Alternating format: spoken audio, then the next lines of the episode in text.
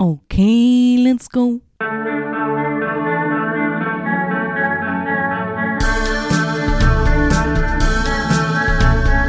Nicolas Cage podcast. Nicolas Cage podcast. Na na na na. Vond je een film van Nicolas Cage leuk?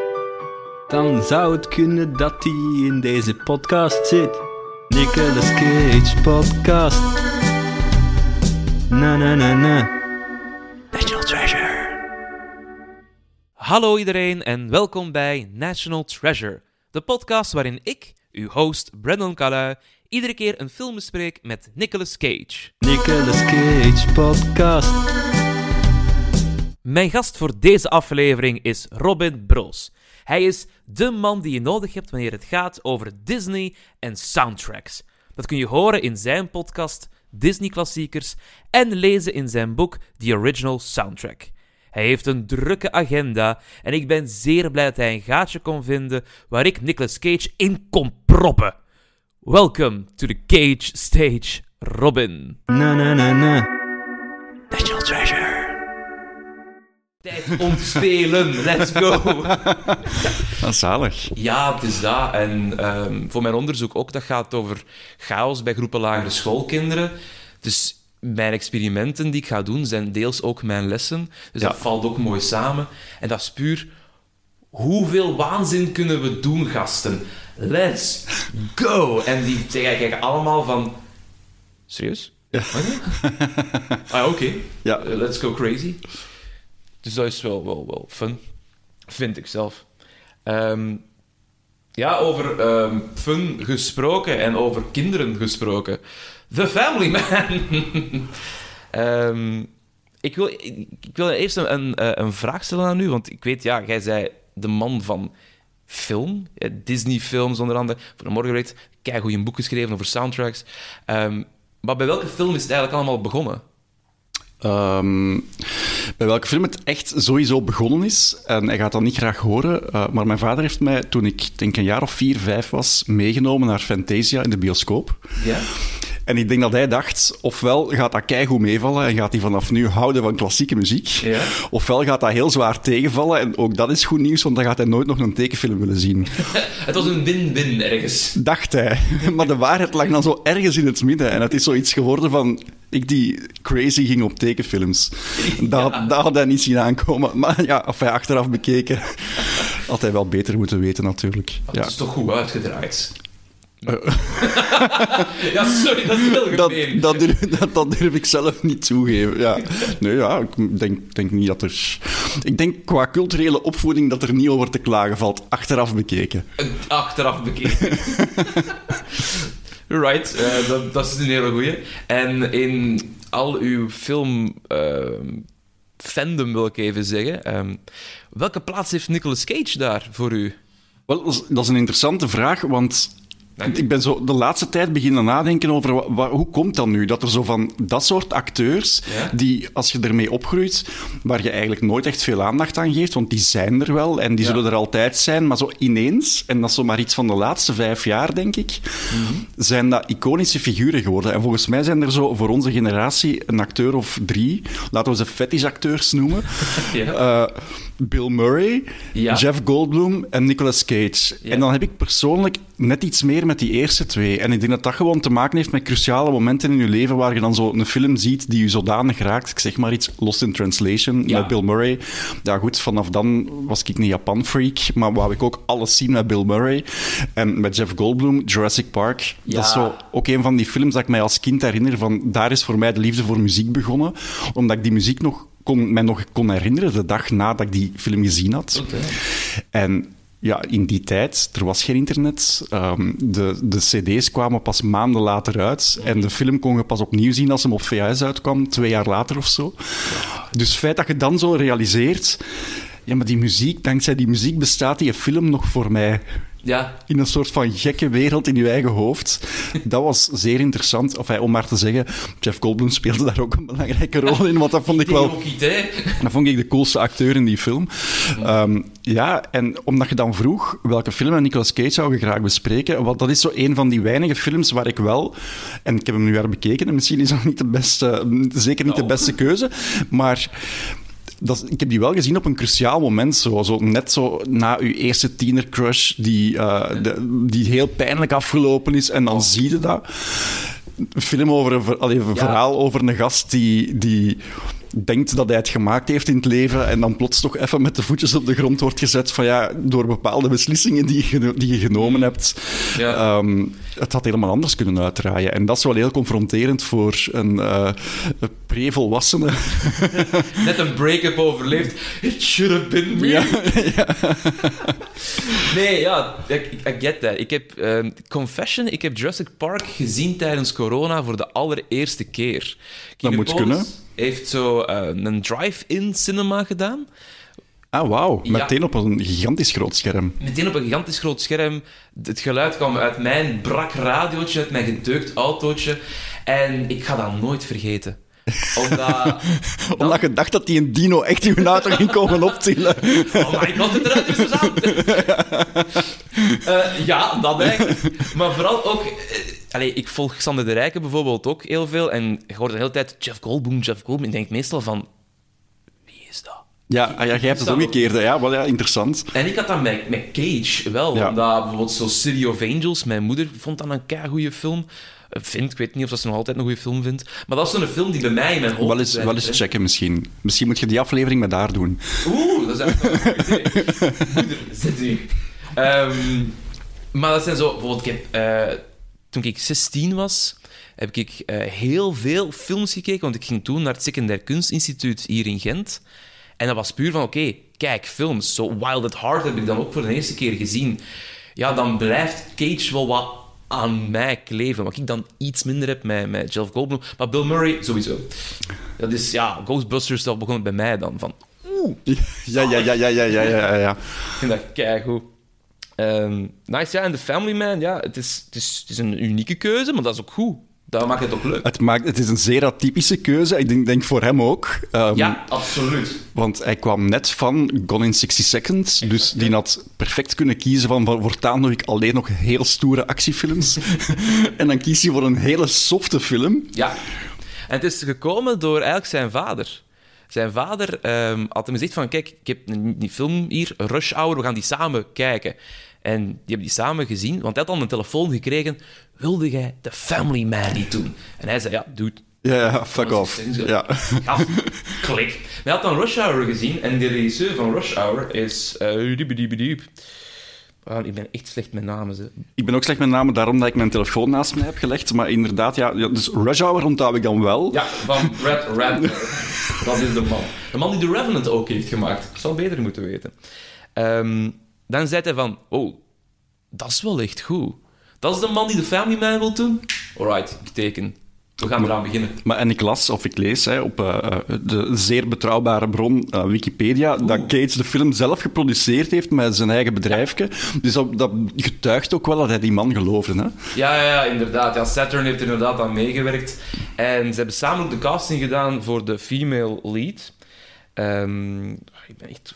Mijn god. Van Thea Leoni, ja. Thea Leoni, die, die daarvoor al wel Bad Boys gedaan had. Dus ja. het, is, het is jammer dat ze auditie moest doen. Ja, omdat ze vonden het een zeer moeilijke rol om te casten, omdat ze iets hadden van, ja, zij moet wel echt verliefd zijn op die man, eh, maar zij moet ook wel die, die, die twijfel kunnen spelen van, wat is hier aan de hand? Om dan op het einde ook er te kunnen gaan van, wat is hier weer aan de hand? Dus je hebt daar drie verschillende factoren die bij elkaar komen van, wacht, wat? In één persoon. Nu is dat wel een bodydouble. eh er zit een scène in de douche, dat ze aan het dansen is. Ja. Dat is zij niet. Ah ja. Dus daar hebben we gezegd, dat mag iemand anders doen. Die is ook aanzienlijk langer, blijkbaar. Dat is wel een goeie, ja. Ik was gefocust op de zeep, maar ja verder... sowieso. geen Ja. idee. Wacht, mijn 16-jarige zelf die deze film in de bioscoop heeft gezien, waarschijnlijk ook de zeep. Ja, maar in de bioscoop zo. Ja, ik hier op mijn computertje. Ja, film.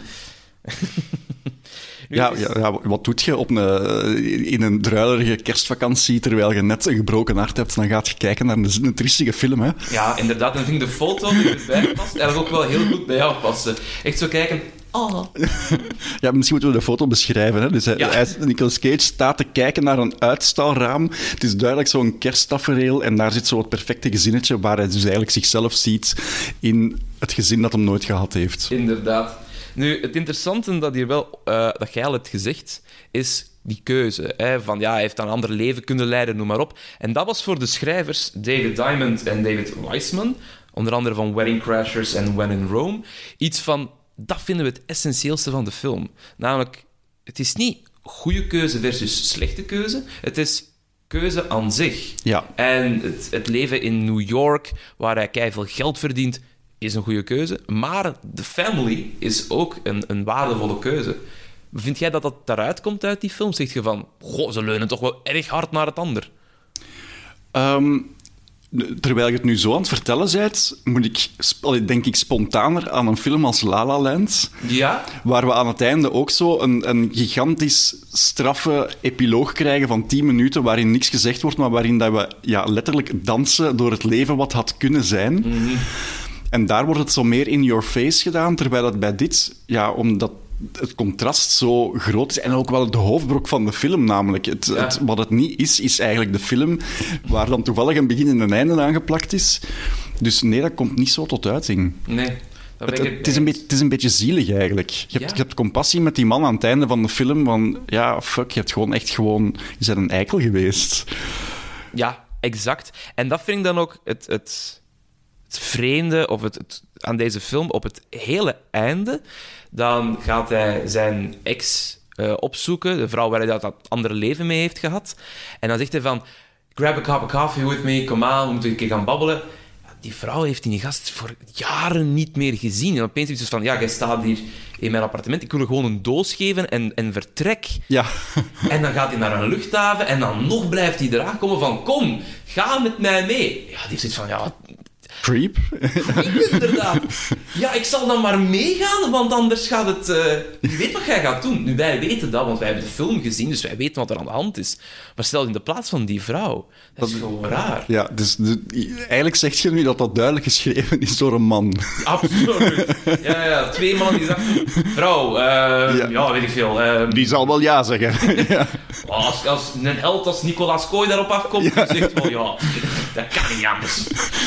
En ik van, dat vind ik heel raar. Want ik vind eh, haar rol in de alternate universe, dat ze dan wel met Nicolas Cage samen is, vind ik wel goed geschreven. Ze wordt effectief kwaad op hem. Ze loopt er weg van. Je ziet dat die wel een goede relatie hebben. Ja, dat vind ik veel logischer. Dus dat einde voelt er zo wat aangekleefd van... Eh, why? Ja, en het is wel wat daar, allee, wat je daar juist zei. Die actrice is wel zeer goed gecast daarvoor, omdat dat voor haar heel schizofreen moet zijn als personage. Ja. Want je bent samen met uw man die niet weet dat hem uw man is. en je bent misschien nog kwaad omdat hem gisteren de vuilbakken niet heeft buiten gezet. Maar dat weet hij niet, want hij was er gisteren niet. Ja, exact. En dat vond ik het hele grappige aan deze film. Het dochtertje heeft dat keigoed door. Dat wint voor mij die film wel. Dat die zo Ja. van...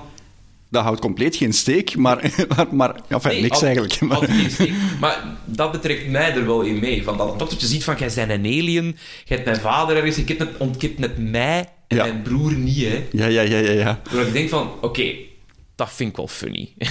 dat, daar heb je mij mee. Maar ja, mijn hart breekt daar ook zo van, oh, dat kind heeft dat door dat hij niet die vader is. Oh, ja. Eh, Ja, ja, maar het is niet van ik wil mijn echte papa terug. Het is van doe vooral ons niks aan. Ja, oké, ja, misschien dat was Stockholm-syndroom van te veel Nicolas Cage-films te kijken. Could be, could be. Eh, nu, ehm, eerst was er een andere regisseur voor deze film. Curtis Hanson, van The Eight Mile bijvoorbeeld, of In Her Shoes. En die had iets van, ja, weet je, ik wil die een film wel maken. Maar je weet misschien ook wel, ja, film maken, dat duurt lang. Dat duurt echt ziek lang. Op een gegeven iets genoeg. Hij zegt van, weet je, het is, het is goed geweest. Ik, ik heb te lang genoeg gewacht. Ik ga Wonder Boys maken met Michael Douglas. Gebaseerd op het boek van Michael Chabon. En die film heeft het niet goed gedaan in de box office. Echt verlies gelaten. Maar wel goede cijfers gehad. Iedereen zei van, ah, dat is een mooie film, ga die zien. En iedereen zei, nee, ik ga iets anders zien. Ehm, vandaar is dat Brad Ratner erbij is gekomen. En die had eigenlijk geen zin om deze film te maken. Dus zowel hij had geen zin als Nicolas Cage had geen zin. Ja, niemand had zin om deze film te maken. Want die had iets van, ja, ik heb Rush Hour gemaakt, pusht mij niet te veel, ik heb andere dingen te doen. En het was zijn een agent die zei van, ja, maar lees dat nu eens. Gewoon, lees dat. Als je het leest, dan laat ik u met rust. Dus hij heeft dat gelezen. En eh, dan kwam dit. Ik ga het letterlijk citeren uit een interview. It reminded me of the classic films I grew up watching. Except it didn't end the way most movies end, and that was exciting. I felt this one in my guts. I always follow my instincts, and I realized this was something that I really had to do. En die switchte. Die ging eh, de producer die hem dat script, allee, dit script had gegeven aan zijn agent, Mark Abrahams, beginnen stalken. Van, film maken, ik wil film maken. Laat mij film maken, laat mij film maken. En het is van, ja, oeh, rustig, we zijn, we zijn bezig met andere dingen ook. Kalm, alstublieft. En dus, ehm Abraham zegt daar het volgende nog over. It just didn't seem like his kind of film. But after getting to know him during the entire year he stalked me, I finally figured out that maybe he was the right guy for the job. He brought something really original and vibrant to the material. Dus als jij zegt, ik wil film maken, je stalkt gewoon iemand voor een jaar en barabim baraboom, doen. Eigenlijk een beetje zoals het einde van deze film. Als je een vrouw wilt, je stalkt die voor... en ze zal wel mee in de koffie gaan drinken. Oh, dat doet me zo denken aan een hele foute Family Guy joke. met ehm, eh, de eerste Bondacteur, Sean Connery. Die dan zo gaat van... Do you want to sleep with me? No, no, no. Zo vijftig keer no. En opeens zegt ze... "Ah, Yes. Remember, gosh. Fifty no's, but one yes means yes. ja, dit is een hele foute joke. hè. Het is ook wel Sean Connery, eh, maar ja, dat doet mij ook een beetje aan denken. Dat het echt zo wat een duwfilm is. We duwen hier, we duwen daar. Ik vind dat raar. Dat is raar, ja. ja, inderdaad. Eh, maar wel gaaf is, eh, John Richardson, die kwam aan boord voor de special effects. Nu, dat is een dude, ja, die naam zal u misschien wel iets zeggen. Dat is de man van de, eh, de eh, allee, s- eh, special effects Academy Awards gewonnen voor Aliens. Die heeft BAFTA's gewonnen voor Harry Potter. Die heeft bijna alle Bondfilms ook aan meegewerkt. Die is hier gevraagd om van herfst winter te maken. Ja, Dus ja, iets als, ja, als de natuur het zelf niet meer kan. dat moeten we doen voor de echte witte kerst. Zeg, Johnny, kom eens af. Ik heb je nodig.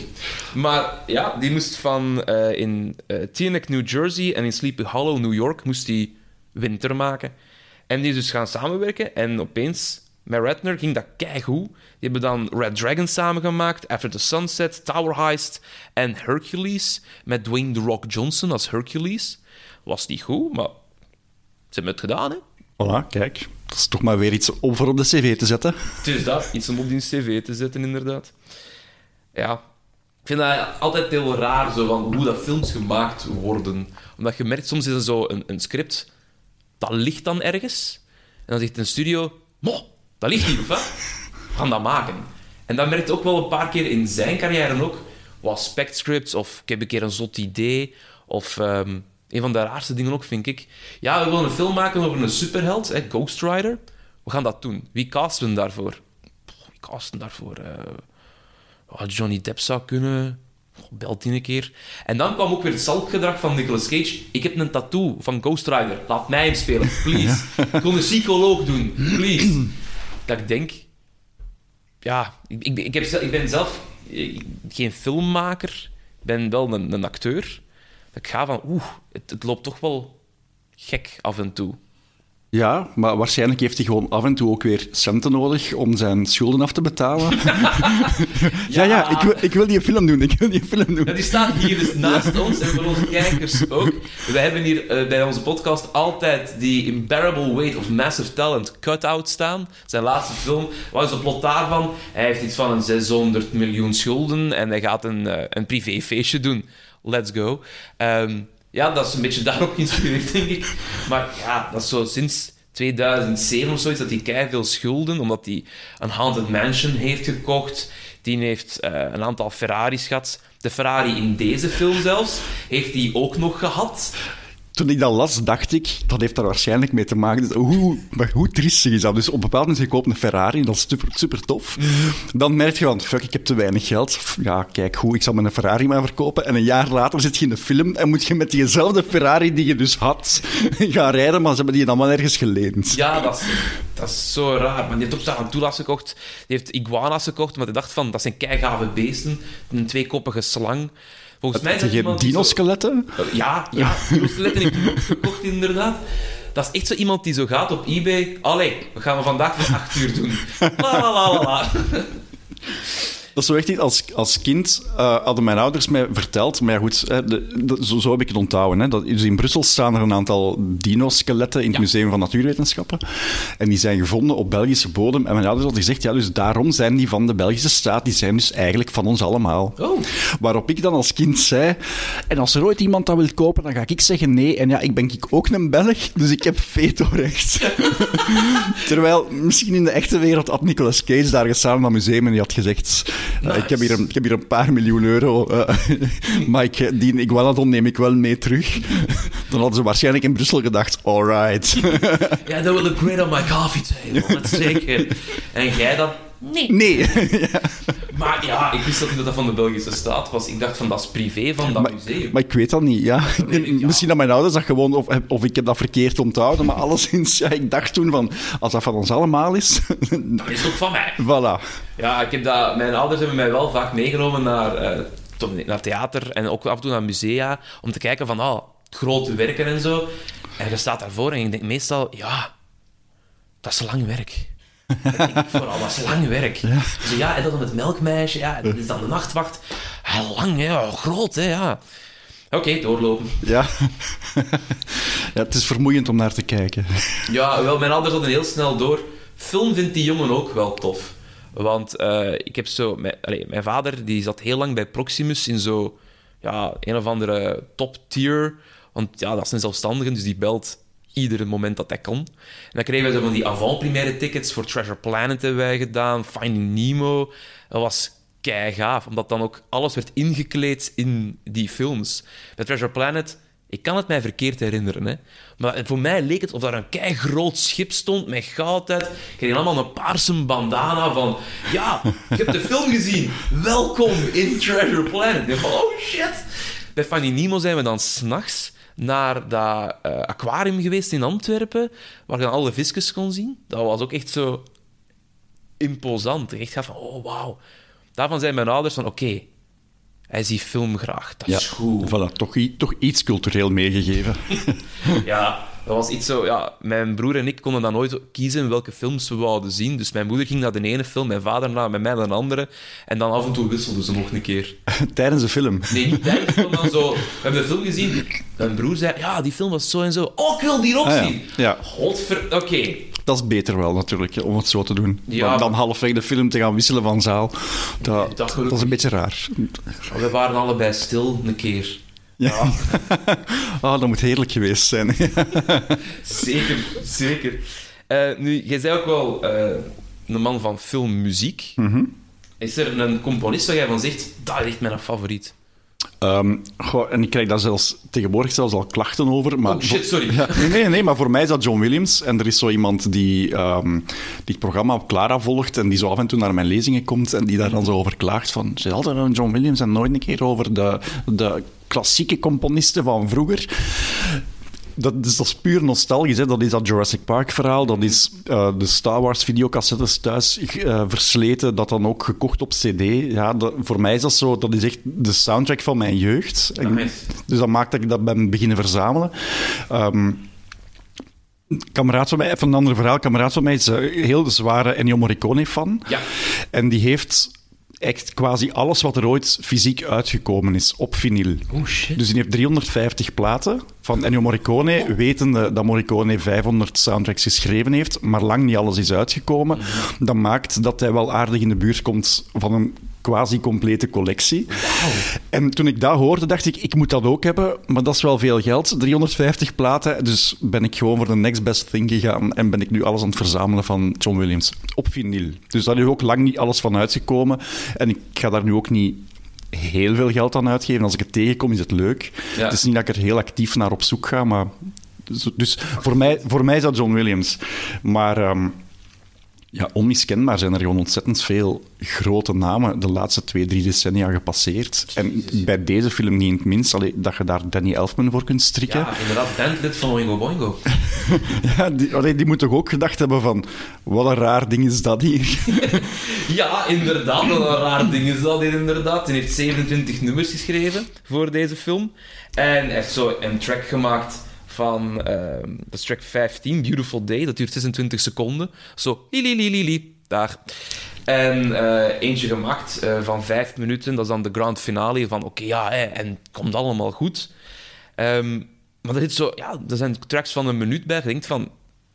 Ja, wat, wat, tof, hè? Goed, hè? Maar was, was nodig dan niet? Ja, het, het rare vind ik... Sorry. Knip je daar dingen uit, of gaat je nu gewoon laten horen dat ik een klein hoestje heb? Oh, jij wordt ongefilterd gereleased, Ah, fuck. Nee. Het ding is, de, ehm, dus die, die soundtrack toen die uitgekomen is, die cd, daar stonden eigenlijk alle ja, popnummers op die in de film zaten, en maar twee tracks van Danny Elfman. Wat? Nee, wat? Dus ja, maar zo gebeurde dat vaak hè, in die periode. Ik zeg maar, als je door de cd koopt van Love Actually of van Notting Hill, Ja. daar staan ook gewoon ja, de popnummers op, want dat is hetgene wat, dat verkoopt. Dat is hetgene wat verkoopt en waarvan dat de mensen denken dat is een soundtrack. Maar aan de andere kant heb je dus de score die Danny Elfman geschreven heeft, Ja. de volledige score, en die is nooit officieel uitgekomen. Behalve op een cd'tje dat ze eh, in de aanloop naar de Oscars altijd opsturen naar Academy-leden. Zo de For Your Consideration CD's heet dat. Dus daar staat de volledige soundtrack op.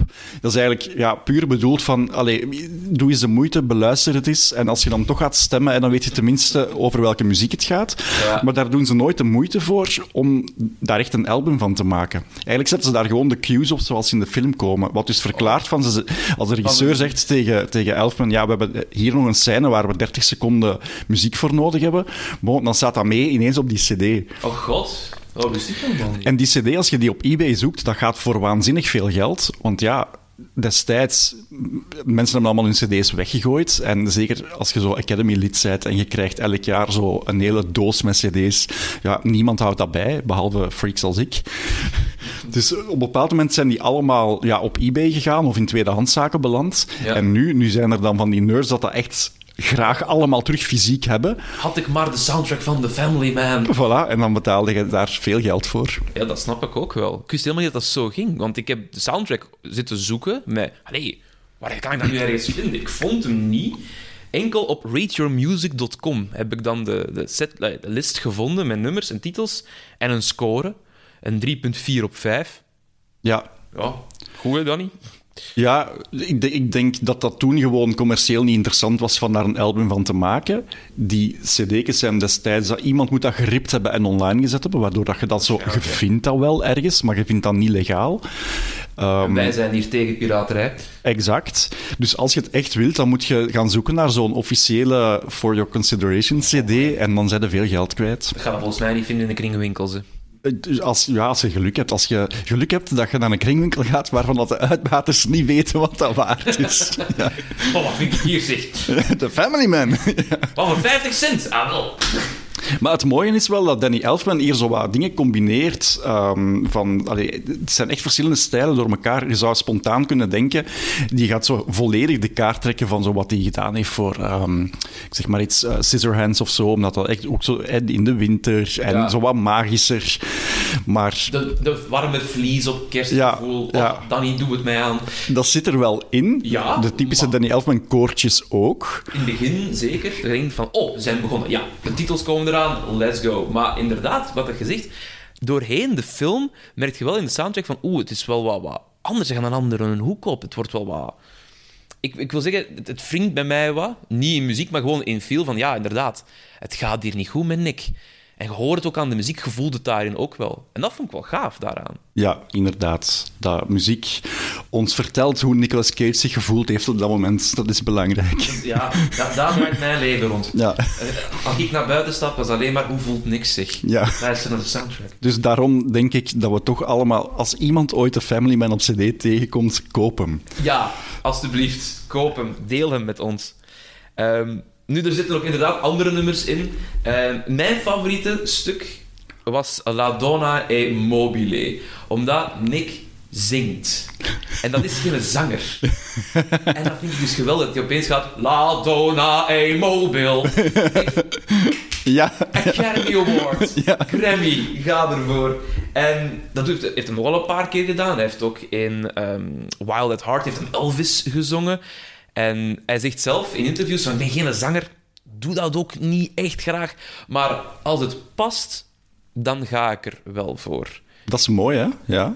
Ja, ja inderdaad. En, maar dit is ook wel een nummer dat af en toe passeert in films waar hij meespeelt. Ik heb het gevoel dat dat zo'n soort van easter egg geworden is. Klopt helemaal. Het is inderdaad een soort easter egg. Het zit ook in Captain Corelli's Mandolin, Honeymoon in Vegas, in Guarding Tess. Komt dat nummer steeds terug.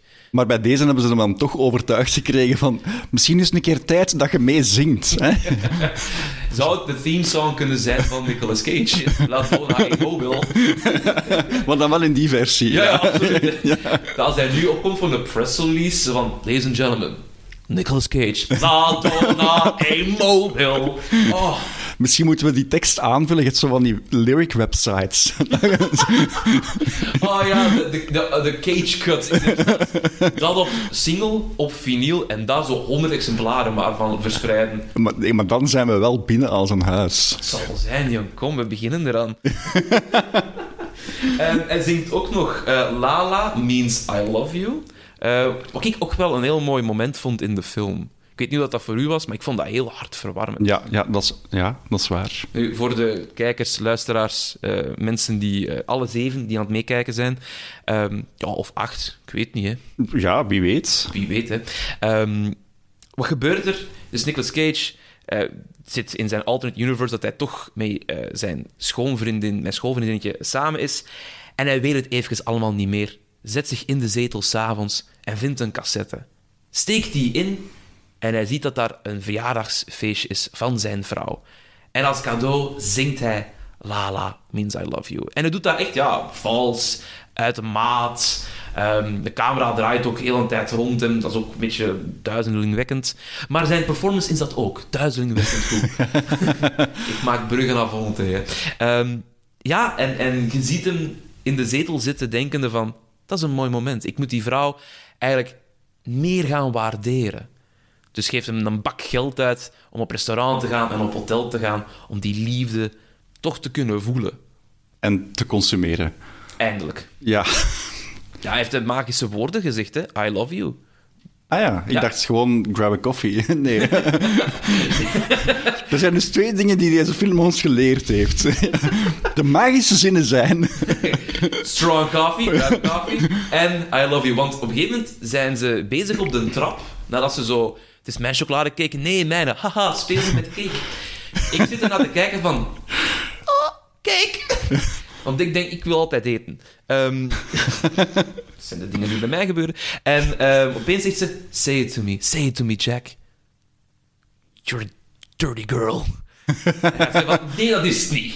En dus moet het zijn, Lala, I love you. En dan heeft hij nog gezegd, ah, yay, hup. En dan gordijnen wapperen, hup. En we hebben het gezien. Maar dat moet lastig zijn, hè? dat je dus op zo'n moment niet weet wat zijn de magische woorden omwille van de schizofrene situatie waar je in zit. Ik hoop dat het mij nooit overkomt.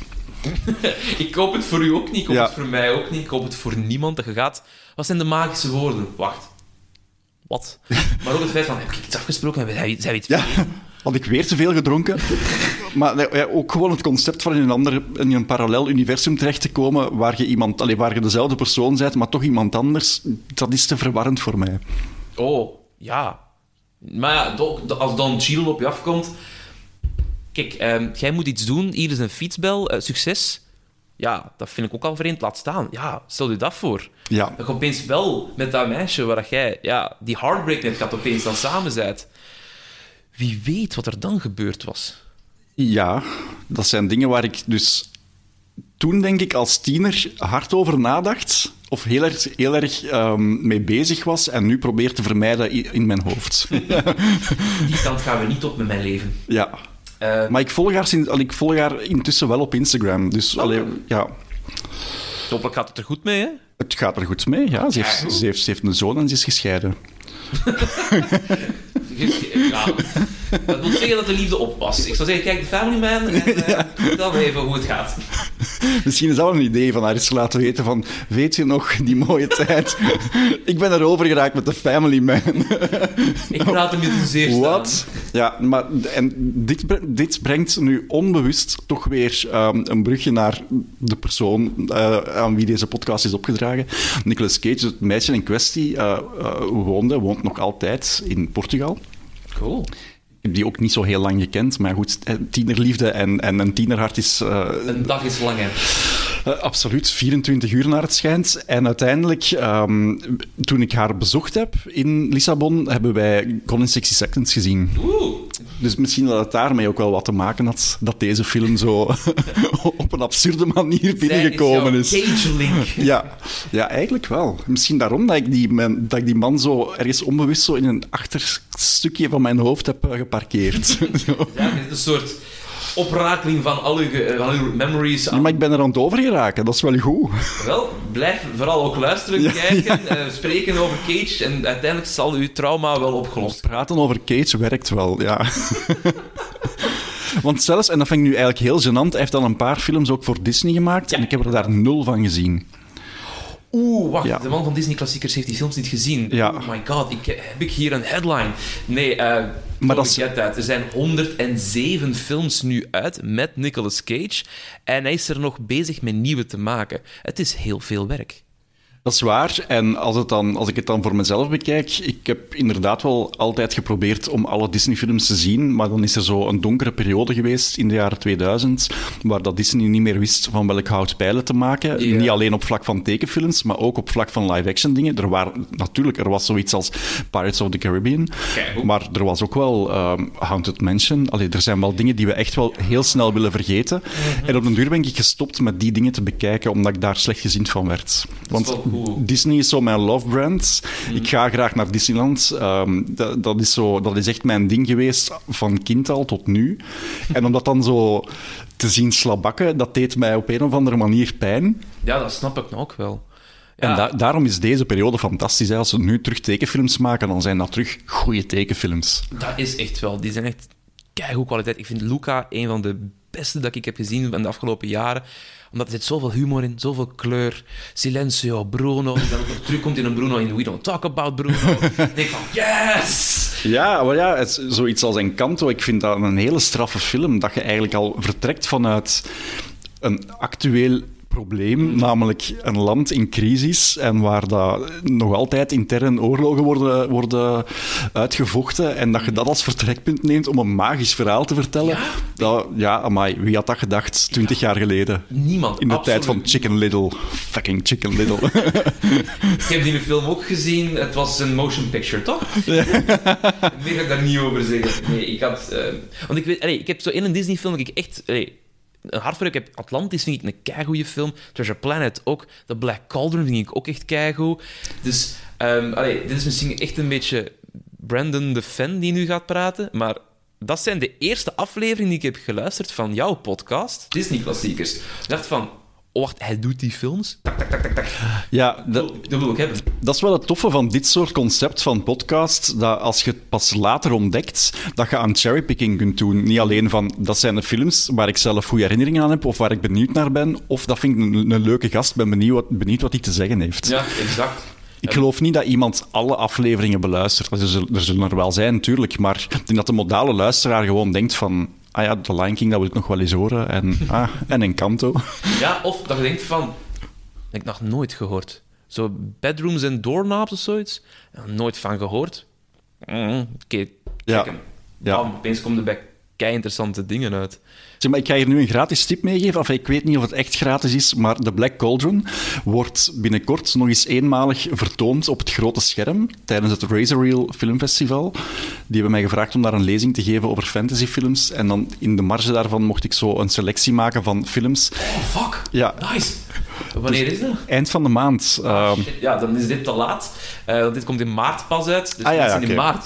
Het is het verleden nu. ja, mensen die in maart retrospectief terug kunnen keren. Ja. Maar dat is wel gaaf. Omdat, ja, dat is zo'n film dat Disney heeft gezegd, dat duwen we wat weg. Achteraf wel, ja. Nu, ik heb daar ehm, fragmenten van eh, in het archief van VRT gezien, waar dat, dat aangekondigd werd. In het pro- toenmalige programma Première, daar werd elke week verteld welke films eruit kwamen. En dan, Joropke kwam dan in beeld en dan zei hij, het is een prachtige tekenfilm met heel grappige diertjes. En zo denk van... Ja, ja, ja, echt waar.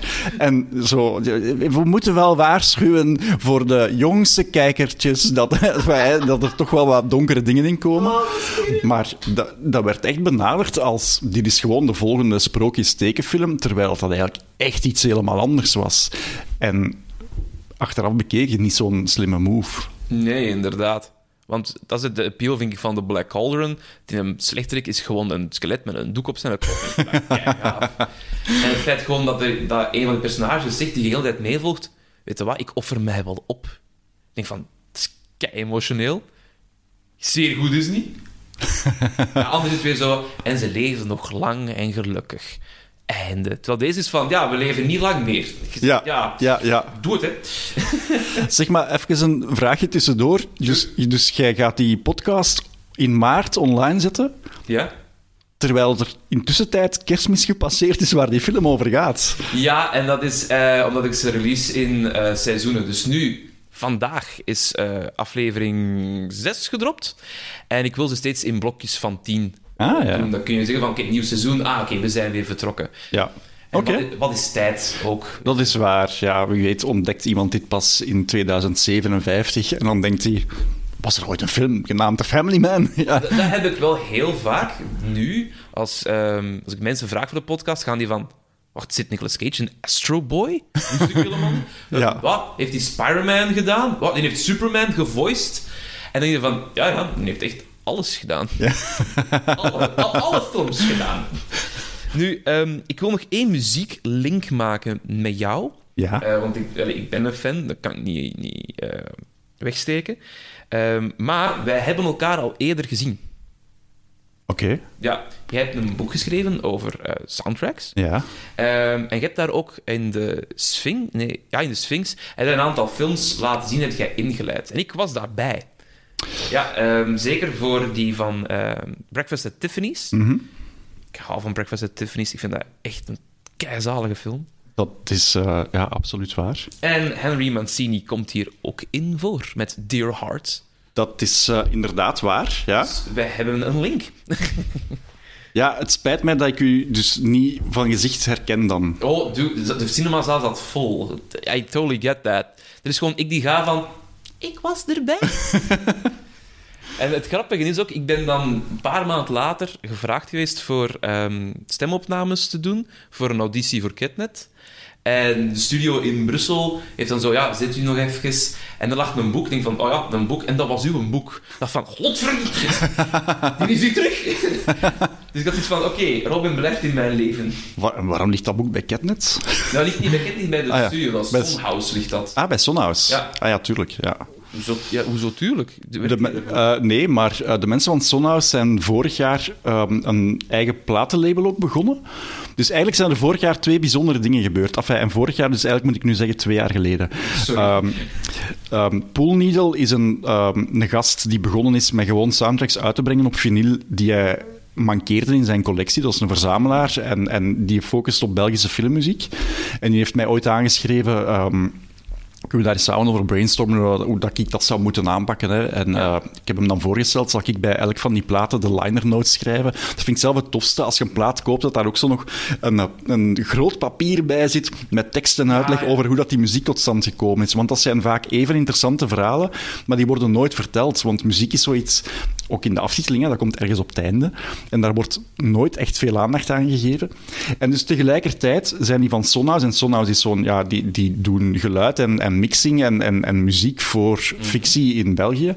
Ehm, die hadden hetzelfde idee om zo af en toe een keer dingen die zij gemaakt hadden, van dat ook op vinyl uit te brengen. En ik heb die dan samengebracht. Ja, ook cool. En we hebben dan eh, tijdens het filmfestival van Gent samen een soort van lanceringsevent gedaan, waarbij dat we een panel talk deden met componisten en regisseurs van bij ons, die dan vertellen over hoe dat ze dat doen, maar dan zo ja, telkens geput uit ja, de beide platenlabels. Dus dat verklaart waarom dat, dat boek daar ligt, omdat ik daar verschillende keren geweest ben Zalig. om, eh, om ja, te babbelen over hoe dat we dat gingen aanpakken. Ongelooflijk gaaf. Ja, ik heb de rol niet gekregen, dat is wat minder leuk. Maar iets van... Maar dit boek is ook echt ja, een goed boek. Dankjewel, dankjewel. Doe mijn plezier. Alsjeblieft. Ehm we gaan nog even terugpraten over The Family Man. Wat een film ook dat we gingen doen. Ja, Eh. ja, ja ik, ken het gevoel dat je zo af en toe... Oh, gast. Dat is totaal niet erg. Iedereen wijkt af hier. En dat is ook tof, vind ik. dat is waar. Ik vind dat leuk. Ehm, ik heb een aantal ehm, dingetjes nog over alternatieve versies eh, en weird things, vind ik zelf. Eh, Robert Downey Sr., dus de vader van Robert Downey Jr., die zit hierin. Eh, misschien ken je hem wel van Boogie Nights of van Magnolia. Ehm, maar die staat met een hele interessante credits. Namelijk Robert Downey Sr., A Prince. ja, A Prince. En dat, dat gebeurde eigenlijk wel vaker, want dat is een bijnaam dat hij zelf heeft gecreëerd. Oké. Ja, die was bezig in de editing room eh, aan een film te werken. En opeens zegt hij: Weet je wat? Ik eh, ga mezelf Prins noemen. Wat pijs ervan? Ja, zit dat erin, zit dat erin. Kom, doe, doe, doe, doe. doe. En ehm, dat is blijven aanpakken, want iedereen had van: Ja, Robert Downey dat is wel een toffe gast. Noemt zichzelf Prins. Weet je wat? Het is goed. We noemen hem ook Prins. Kijk, gaaf. En die joke is blijven rollen bij zijn vrienden, dat hij op een gegeven moment bij Johnny Carson ook was beland. Johnny Carson had hem uitgenodigd in de studio van zich. ehm, wat is dat nu met u en met die Prince? Wil dat maar een keer uitleggen, alstublieft? En zijn antwoord was... Yeah, I'm too young to be a king, and I'm too committed to be a queen. Now I'm too old to be anything. En dat bleef dus heel de tijd. Dus bij bijna elke film dat je ziet met Robert Downey Sr. staat er, dubbele punt, a prince. Prachtig. Ik denk van, dat is kei grappig, geef jezelf die bijnaam, waarom niet? Ja. Gewoon doen. Dus wie dat dan nu hoort en denkt van ja, daar ben ik wel fan van, van die mens, begin gewoon zelf een podcast waarin je alle films waar die credit in gebruikt wordt, dat je die bespreekt. Tuurlijk, dat. Wij, wij, wij steunen podcast of volonté. Ehm je hebt ook nog een, een scène die eruit is gehaald met Paul Sorvino van Goodfellas. En die kunnen we niet meer vinden. Buiten op de DVD. Ah ja. Ja, en eh, vaak heeft de bibliotheek wel een keer een dvd'tje. En dan kun je die zien. En dat is een scène van twee keer niks. Hè. Het is gewoon van, ja, dat is niet goed. Ah ja, oké. En dan. Dus je snapt ook wel dat hij eruit is gesneden. Dus gewoon, hij zegt vier woorden. Maar dus, ze vonden het dan wel de moeite van dat bij de deleted scenes op Ja. de dvd te zetten. Ja, Oké. Ja, de, jaren, zo- de jaren 2000 waren gek op dat vlak. Absoluut. En over gekheid gesproken, er is een reeks die dezelfde naam draagt: The Family Man. Serieus? Ja, echt, ja. Maar het plot is net iets anders. Ik hoop het, ja. Nou, ik weet niet of het beter is hoor. Ehm, iemand bij de National Investigation Agency moet werk en privé balanceren. Maar wat als je baan top secret is? Hij vecht tegen terrorisme en de file om op tijd te zijn voor het toneelstuk van zijn zoon. Nu te zien op Amazon Prime. Wauw. Ja, het is een Indische reeks. En de, de cover is echt zo'n gast die gaat van... Oké, ik heb een telefoon vast, ik heb kinderen vast. Help. Hij is dus de family man. Family Man. En als zijn vrouw hem vraagt... Waar ga jij naartoe? Dan moet hij niet zeggen naar werk. Je moet zeggen... Ja, ik ga eh, de bloemetjes eh, water geven. En dan is hij weg voor vier dagen. Ja. Oké. Dus beter, ik weet het niet anders wel. hè. Ja, sowieso anders. En je vraagt u dan af, die makers in, in waar was het? India. De, India. Die hebben ook internet, hè. Google gewoon eens even of die naam al gebruikt is. Ja, hadden de, de misschien van... Of the family person, weet ik niet wel. Van Family Guy, dan ook in de reeks. Ja, The Father. Vader. Anthony Hopkins opeens. Sorry, wat? Nu, zeg jij iemand voor je aan een film gaat kijken die zegt: Ik ga een keer een, een review zien, score bekijken, ik wil weten waar ik aan begin. Eh, niet altijd. Soms wel. Ja. Ja? Ja, ik heb daar geen vaste routine in. Oh. Ja. Tijdens het filmfestival durf ik ook wel af en toe gewoon in de zaal binnenstappen. Zo van, ah, ik heb nog twee uurtjes, oh, wel, ik ga nu gewoon hier ergens iets zien. En, Ja. en totaal zelfs niet weten, eh, ja, de, hoogstens de titel, niet weten wie er meedoet, niet weten wie het gemaakt heeft. Dat zijn de leukste verrassingen. Hè? Ja, dat vind ik ook. Ik ben, ehm, ik, ik ben meestal de persoon die gaat van... Ik heb geen idee. Meestal heb ik wel een trailer gezien om mij te spicen. Zo van... Oeh, ja, oké. bijvoorbeeld Dune. Ja, kijk, goeie boek. Oeh, muziekgebruik van Pink Floyd. Oké, we gaan. Ja. Is die film goed? Geen idee. En eh, bij Nicolas Cage doe ik dat absoluut niet, omdat als ik mij daarop moet gaan baseren, dan heb ik geen films te bespreken bijna. dat gaat mis. Ehm, dus Ja. Let's talk numbers. De film had een budget van 60 miljoen. En toen dat hij uitkwam, in dat openingsweekend, stond hij op nummer 3 in, in Noord-Amerika, na What Women Want. En op nummer 1 stond Castaway met Tom Hanks. Dat is wel een gewaagde periode om het uit te brengen. Nu, aan de andere kant, het is wel een kerstfilm. Je kunt het niet allee, twee maanden later doen. Nee, nee, exact. Ja. Dus it was now or never, inderdaad. En die heeft wel goed gedaan. Die heeft 124,7 miljoen opgebracht. Dus het is het dubbele, dus ze zijn uit de kosten. Dat is alvast goed. Helaas geen The Family Man 2. Ja, maar, ja, zou dat niet heel flauw zijn? Absoluut, het zou heel flauw zijn. Da- dan zijn ze gewoon samen en, ja, en I don't care. Allee, zo. Ja, inderdaad. Maar ja, misschien heeft zij dan een realisatie. Misschien heeft zij dan wel een keer een Ah. hond gehad die dat ze nieuw eh, heeft zij achtergelaten opeens. Hoe zou het leven met die hond geweest zijn? Zoiets meer naar de kinderen gericht. Wie Ja, weet. ja, ja, ja. ja. Of dat ze een remake gaan maken. Family Man The. Nou, opeens Nicolas Cage het niet meer is, maar Robert Pattinson bijvoorbeeld, weet ik veel. Of Koen de Bouw. Koen de Bouw. Ik zie Koen de Bouw nog wel doen. Dat is waar, maar dat is een beetje dezelfde categorie. Hè? Dat, dat is niet de jongere versie. Nee. Nee, inderdaad. Maar ja, wie zou dat als jonge acteur daarvoor casten? Weet ik eigenlijk niet. Ah, Bij ons dan Matteo Simoni. Hè? Maar die doet alles. Allee, dat is de keigoede acteur, maar die doet echt, echt alles. Vlaanderen is ook niet groot, hè? Ik weet het. Het- Vraag iemand, ja. Dus Ik ben van principe, eh, wat Adil en Bilal heel goed doen, die zoeken echt gewoon nieuw talent en die halen er groot talent bij. Zo met Theo Simoni, oké, dat is dan voor in Patster de big guy, maar we halen ook nog andere mensen bij dat je misschien niet kent. Daar hou ik van. van Ja. ja.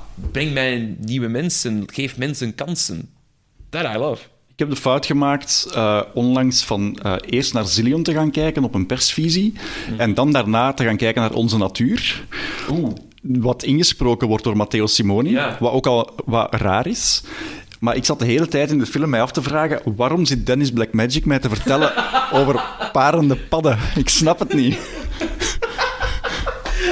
En ik had dat op Twitter gezet en ik had die film Zillion gezien op een moment, de persvisie op een moment dat die film nog niet uit was. En dezelfde dag krijg ik een privébericht van Dennis Blackmagic. Hoe komt dat jij die film al gezien hebt en ik niet? Holy shit. ja. Ja, ja, my god. Dat is ook zo dat je een Brit en denkt van, wacht, ja, ja. hoe is mijn leven uitgedraaid? En ook dat je vooral ook denkt van, er staat toch nergens mijn adres online, hè, want straks staat hij hier aan de deur. Hela, jij wat film gezien hebt? ja. Ah, dat is... Dat is oeh, dat kriebelt mij. Ehm, maar scores, eh, hoe, hoe heeft de film het gedaan? Op IMDb een 6.8. Dat is, dat is erdoor. Dat, was mijn gemiddelde in het middelbaar ook. Ja? Eh, ja, dat van mij was aanzienlijk lager af en toe. Eh, op Rotten hebben we, heeft de critics hebben hem 53 gegeven, Dat is jammer. maar het publiek mag uiteraard ook stemmen. Nu spelen we hoger-lager. Het is de jaren 80. Is het hoger of lager voor het publiek? Ik hoop hoger. Het is hoger. Yes. Yay! Je wint deze prachtige prijs. Eh, ja, het is 67 procent. Ja, Dus dan- voilà. Dat is eigenlijk hetzelfde als op IMDb. Ja, dan heb je Movie Meter. Dat vind ik ook altijd wel leuk, want dat is zo wat de Nederlandse wijkijkenfilms.nl. Eh 3.1 op 5. Oké. Mijn favoriete review site ever, bol.com, geeft... ik hou van bol.com, want de reviews zijn altijd raar. Eh, een 4.4 op 5 op de DVD, die 6 euro is. Wauw. Ja, je Ja. kunt hem nog kopen op DVD. Je kunt hem kopen op DVD voor 6 euro. Je kunt hem kopen op DVD voor, op, voor 10 euro en Blu-ray voor 16 euro. Ah ja. Ja, Dat zijn, maar dat zijn de nuttige weetjes, hè. da- daarom doe ik het. Hè. Ja. Om mensen op bol.com te zeggen van... hey, ja. nu weet ik hoe ik moet gaan kijken. En nu weten ze ook dat ze de CD daar niet zullen vinden. ja, inderdaad. Helaas. Nu, de reviews op bol.com die zijn altijd whack. En ik heb er eentje gevonden, een 1 ster review op bol.com. Ja, ik ga het gewoon voorlezen. Je had er wel bij mogen vermelden dat het Duits is zonder Nederlandse ondertiteling. Grrr. Eén ster. En Ja, daarom dat- hou ik van bol.com. Dat is, ja, ja voilà. Ik, be- ik begrijp de frustratie van die persoon, maar het is niet echt on topic.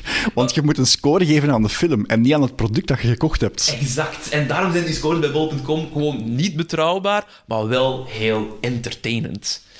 Ik heb er nog eentje van Bol, die vond ik ook weer vreemd, maar wel nog linkend met het onderwerp. Een geweldige lachfilm met veel emoties. We hebben deze video voor de vriend van onze dokter. Hij heeft zelf geen kinderen en werd opeens geconfronteerd met twee zoontjes van onze dokter. Dit was voor hem heel confronterend, aangezien hij zelf geen kinderen wilde hebben. De film is dan ook op zijn lijf geschreven. Ik denk, jij! Ik heb Wauw. dat persoonlijke leven op bol.com reviews. Wel vijf sterren gekregen. Wauw, ja. Maar ze verklappen het einde niet. Hè. Is hij dan ook zo na een paar maanden weggegaan? Of... Die hebben ze niet meer teruggezien. ja. Hij heeft in de film gezien en dacht van... Ah, iets met die fietsbel, dat was... Ja, ik Ja, ja. nu. En die is vertrokken. ja, voilà. Nu, echte review-mensen, bijvoorbeeld Chris Gore van Filmthread, eh View London eh, en Emma Crotchane, die zijn eigenlijk helemaal heel lovend over deze film. Het is een atypische kerstfilm. Het is niet ehm, ja, hoe dat zou moeten lopen. Er zitten wel crux in. Het is heel emotioneel en toch ook wel funny. En vooral de eh acteerprestaties van Leonie en Cage staan ten top. Dat is het beste aan deze film. Dus daarom zou je die moeten gaan kijken. Voilà. Daar ben, ik het wel, daar ben ik het wel mee eens. In mijn herinnering, ik had er warmere herinneringen aan als ik het nu herbekeek. Al, ik vond het denk ik toen interessanter dan ik het vandaag vind. Maar het is, wel, het is wel een verdienstelijke film. Ja, dat, ik vind dat wel. Ik, ik, heb hem, ik heb hem gekeken afgelopen dinsdag en ik dacht dus van, oh, ja, tof. Het einde was ze van, wacht, wa- wa- wat? wat? ik, word daar wel, ik word daar wel warm van. Nu, ik heb nog een aantal losse feitjes. Graag. Ik ga ze op jou afvuren. Ehm, de glimpse, waar dat hij in vastzit, hè, van ja, dit is maar een tijdelijke glimpse, duurt acht weken.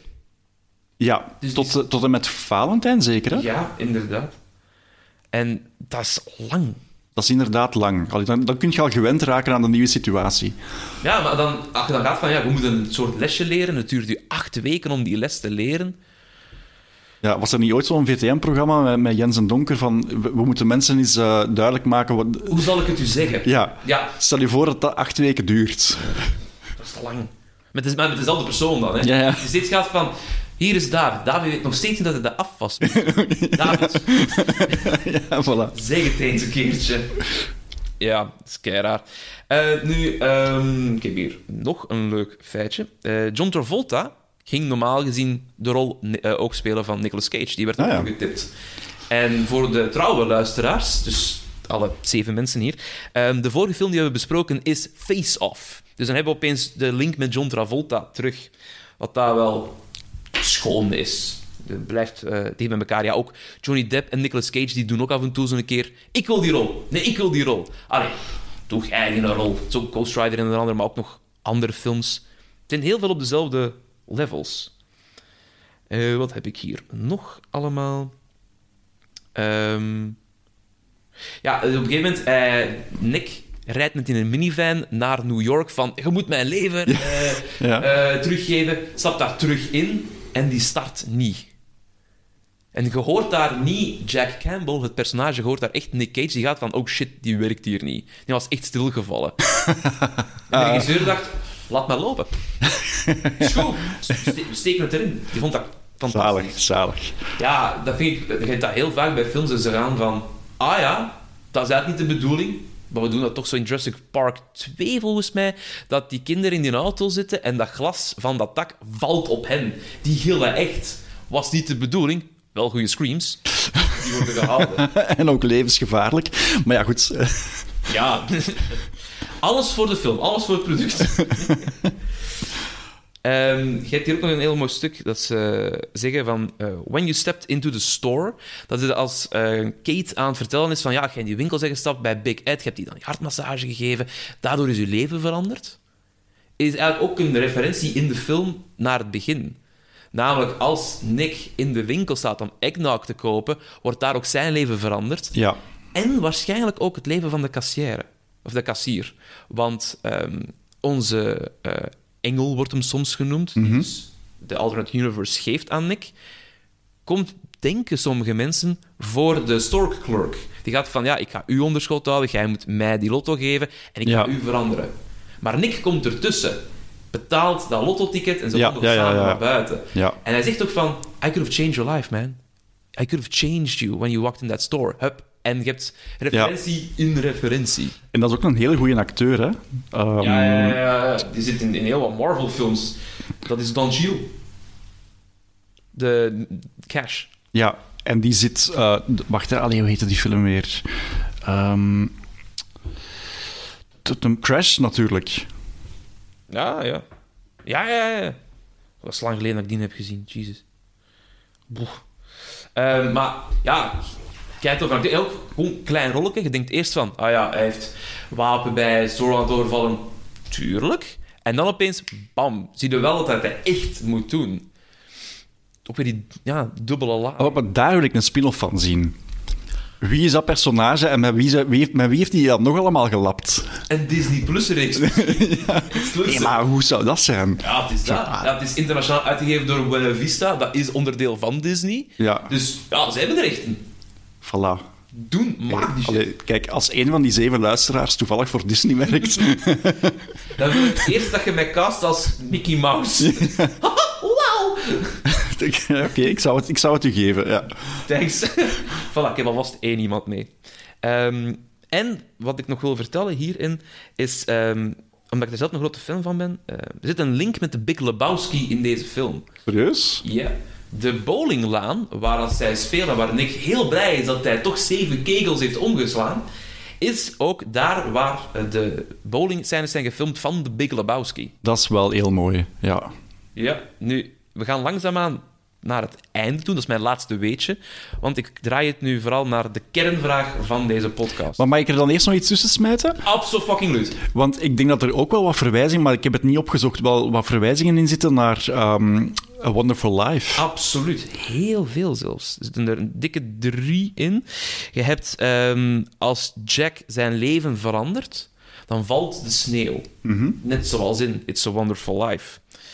Eh, je hebt hier ook nog een muziekcue. Die staat wat ergens anders in mijn notes. Ja, hier. ehm, eh, Twinkle Twinkle Little Star speelt Annie op haar viool. Wat brak, maar oké. Ehm, en dat is ook weer een referentie naar It's a Wonderful Life. Eh, ik denk dat dat, dat degene zijn die ik heb opgeschreven. Ja, het toffe is dat, dat ze daar details uitnemen en dat Ja. gebruiken, omdat eigenlijk basically het idee van zoiets in een parallele wereld waar je toevallig door een toevallige ontmoeting in terechtkomt, omdat je op een bepaald moment denkt "M- mijn leven sukt en, en Ja. dat, dat is A Wonderful Life op een compleet andere manier, hè? maar zo dat, dat basisidee is echt wel gewoon afgekeken. Ja, dat is, ja, het is ook een beetje afgekeken dan, eh, zou ik zeggen, van, van eh, Dickens zijn story met... ehm allee, Christmas Tale? Eh, Christmas Carol. Christmas Carol, inderdaad. Dat is dat eigenlijk ook. Ik heb hier het laatste feitje nog gevonden, ik had het toch nog opgeschreven. Eh, eh, Big Ed speelt poker om de zaak te krijgen van Mr. Potter. En dat is ook weer iets uit Wonderful Life, maar die scène is er uitgeknipt. Maar dat is ook weer een kleine referentie. Maar inderdaad, ja, het is... Ah ja, dat werkte goed. Doen deze, maar dan wel met Nicolas Cage, uiteraard. en dan is het uiteraard het jaar 2000, want dan kan, kunnen die dingen allemaal. Sowieso. Sowieso. Aan de laatste vraag. Ja. De laatste opmerking, de laatste gedachtenstrohalm. Na het zien van deze film, is Nicolas Cage volgens jou nu een national, of sommigen zeggen zelfs al international treasure? Want ja, waar slaat de National op? National Treasure slaat op het feit, op het boek waar deze podcast op gebaseerd is, van Lindsay Gibb. Maar ik bedoel, de National als in... Gaat het dan over National Treasure in de USA? Ja. Of gaat het dan over, als je de vraag aan mij stelt... Ik stel de vraag aan u van... ehm, ik zou Want- kunnen zeggen, in het Nederlands vind je hem een goed acteur. Want ik vind... Ja, ah ja oké, op die manier. Ja, want Ja. ik vind hem ook wel een... Hij heeft ook wel een Belgische link. Dus hij zou ook wel een National Treasure bij ons kunnen zijn, omwille van ehm, Mandy, Ja, inderdaad. die hier opgenomen is. I know, die moet ik nog bespreken. Dat vind ik toch... Allee, dat is zo gek dat Mm. er zo'n film hier gemaakt. Goeie film, echt. Oh, kleurgebruik is fantastisch. Alleen daar al zou ik een twee uur over kunnen babbelen. En de muziek van Johan Johansen, denk ik zijn laatste film. Dus eh, ja, Schaaf. Dus, uh, allez, laten we zeggen, dan Ja. is Nicolas Cage volgens jou een goed acteur. een goed acteur. Ja, absoluut. Absoluut. En ik besef nu, met daar nu een uur met u over te babbelen, dat ik dat wat verdrongen heb. Of daar nooit echt genoeg aandacht aan gegeven heb. Maar misschien is het een excuus om het, eh, om het terug op te pikken. Er was vorig jaar zo die... die ehm, hoe heette dat dan? Uh, Cage-athon. De Cage dan, ja, inderdaad. In, eh, ja, Vampire's Kiss onder andere zat daar ook tussen. Vier films, vier keer Cage. Verschillende versies ook. Is geweldig. Ja, voilà. Kei tof. En ik heb dat toen gemist. Uh, ja, ik raakte daar toen niet, maar van dat, toen, dat, dat, dat had eigenlijk het startpunt moeten zijn en jij het mij een tweede kans gegeven. Waarvoor, Ah. waarvoor grote dank. En elke donderdag kun je dan de sessie oppikken, zowel op Spotify, Apple Podcast en eh, Google Podcast om het te beluisteren. En ook op YouTube is het hele gesprek iedere donderdag ook te zien. Dus heb je niet genoeg Cage gehad vandaag? Check het even uit. Ik wil u enorm hard bedanken om tijd te maken. Met uw veel plezier. zeer drukke agenda voor mij. En ehm, graag tot de volgende keer. En, want de volgende film die ik ga bespreken is Vampire's Kiss. Is Kijk dat ook aan. een eh, verdrongen film bij jou? Of heb je nog nooit gezien? Of? Nog nooit gezien. Wel, dan... Als deze is een aflevering ex- uitkomt, Dat is een excuus om het dan in te halen. voilà. Dikke, dikke merci, man. Met heel veel plezier. Dit was het voor deze keer. Ik bedank graag Jeff Jacobs en Naomi van Damme voor de intro, Megan Kremers voor het artwork en u om te luisteren. Graag tot de volgende keer when we will capture lightning in a cage. Nicolas Cage podcast. Na na na na.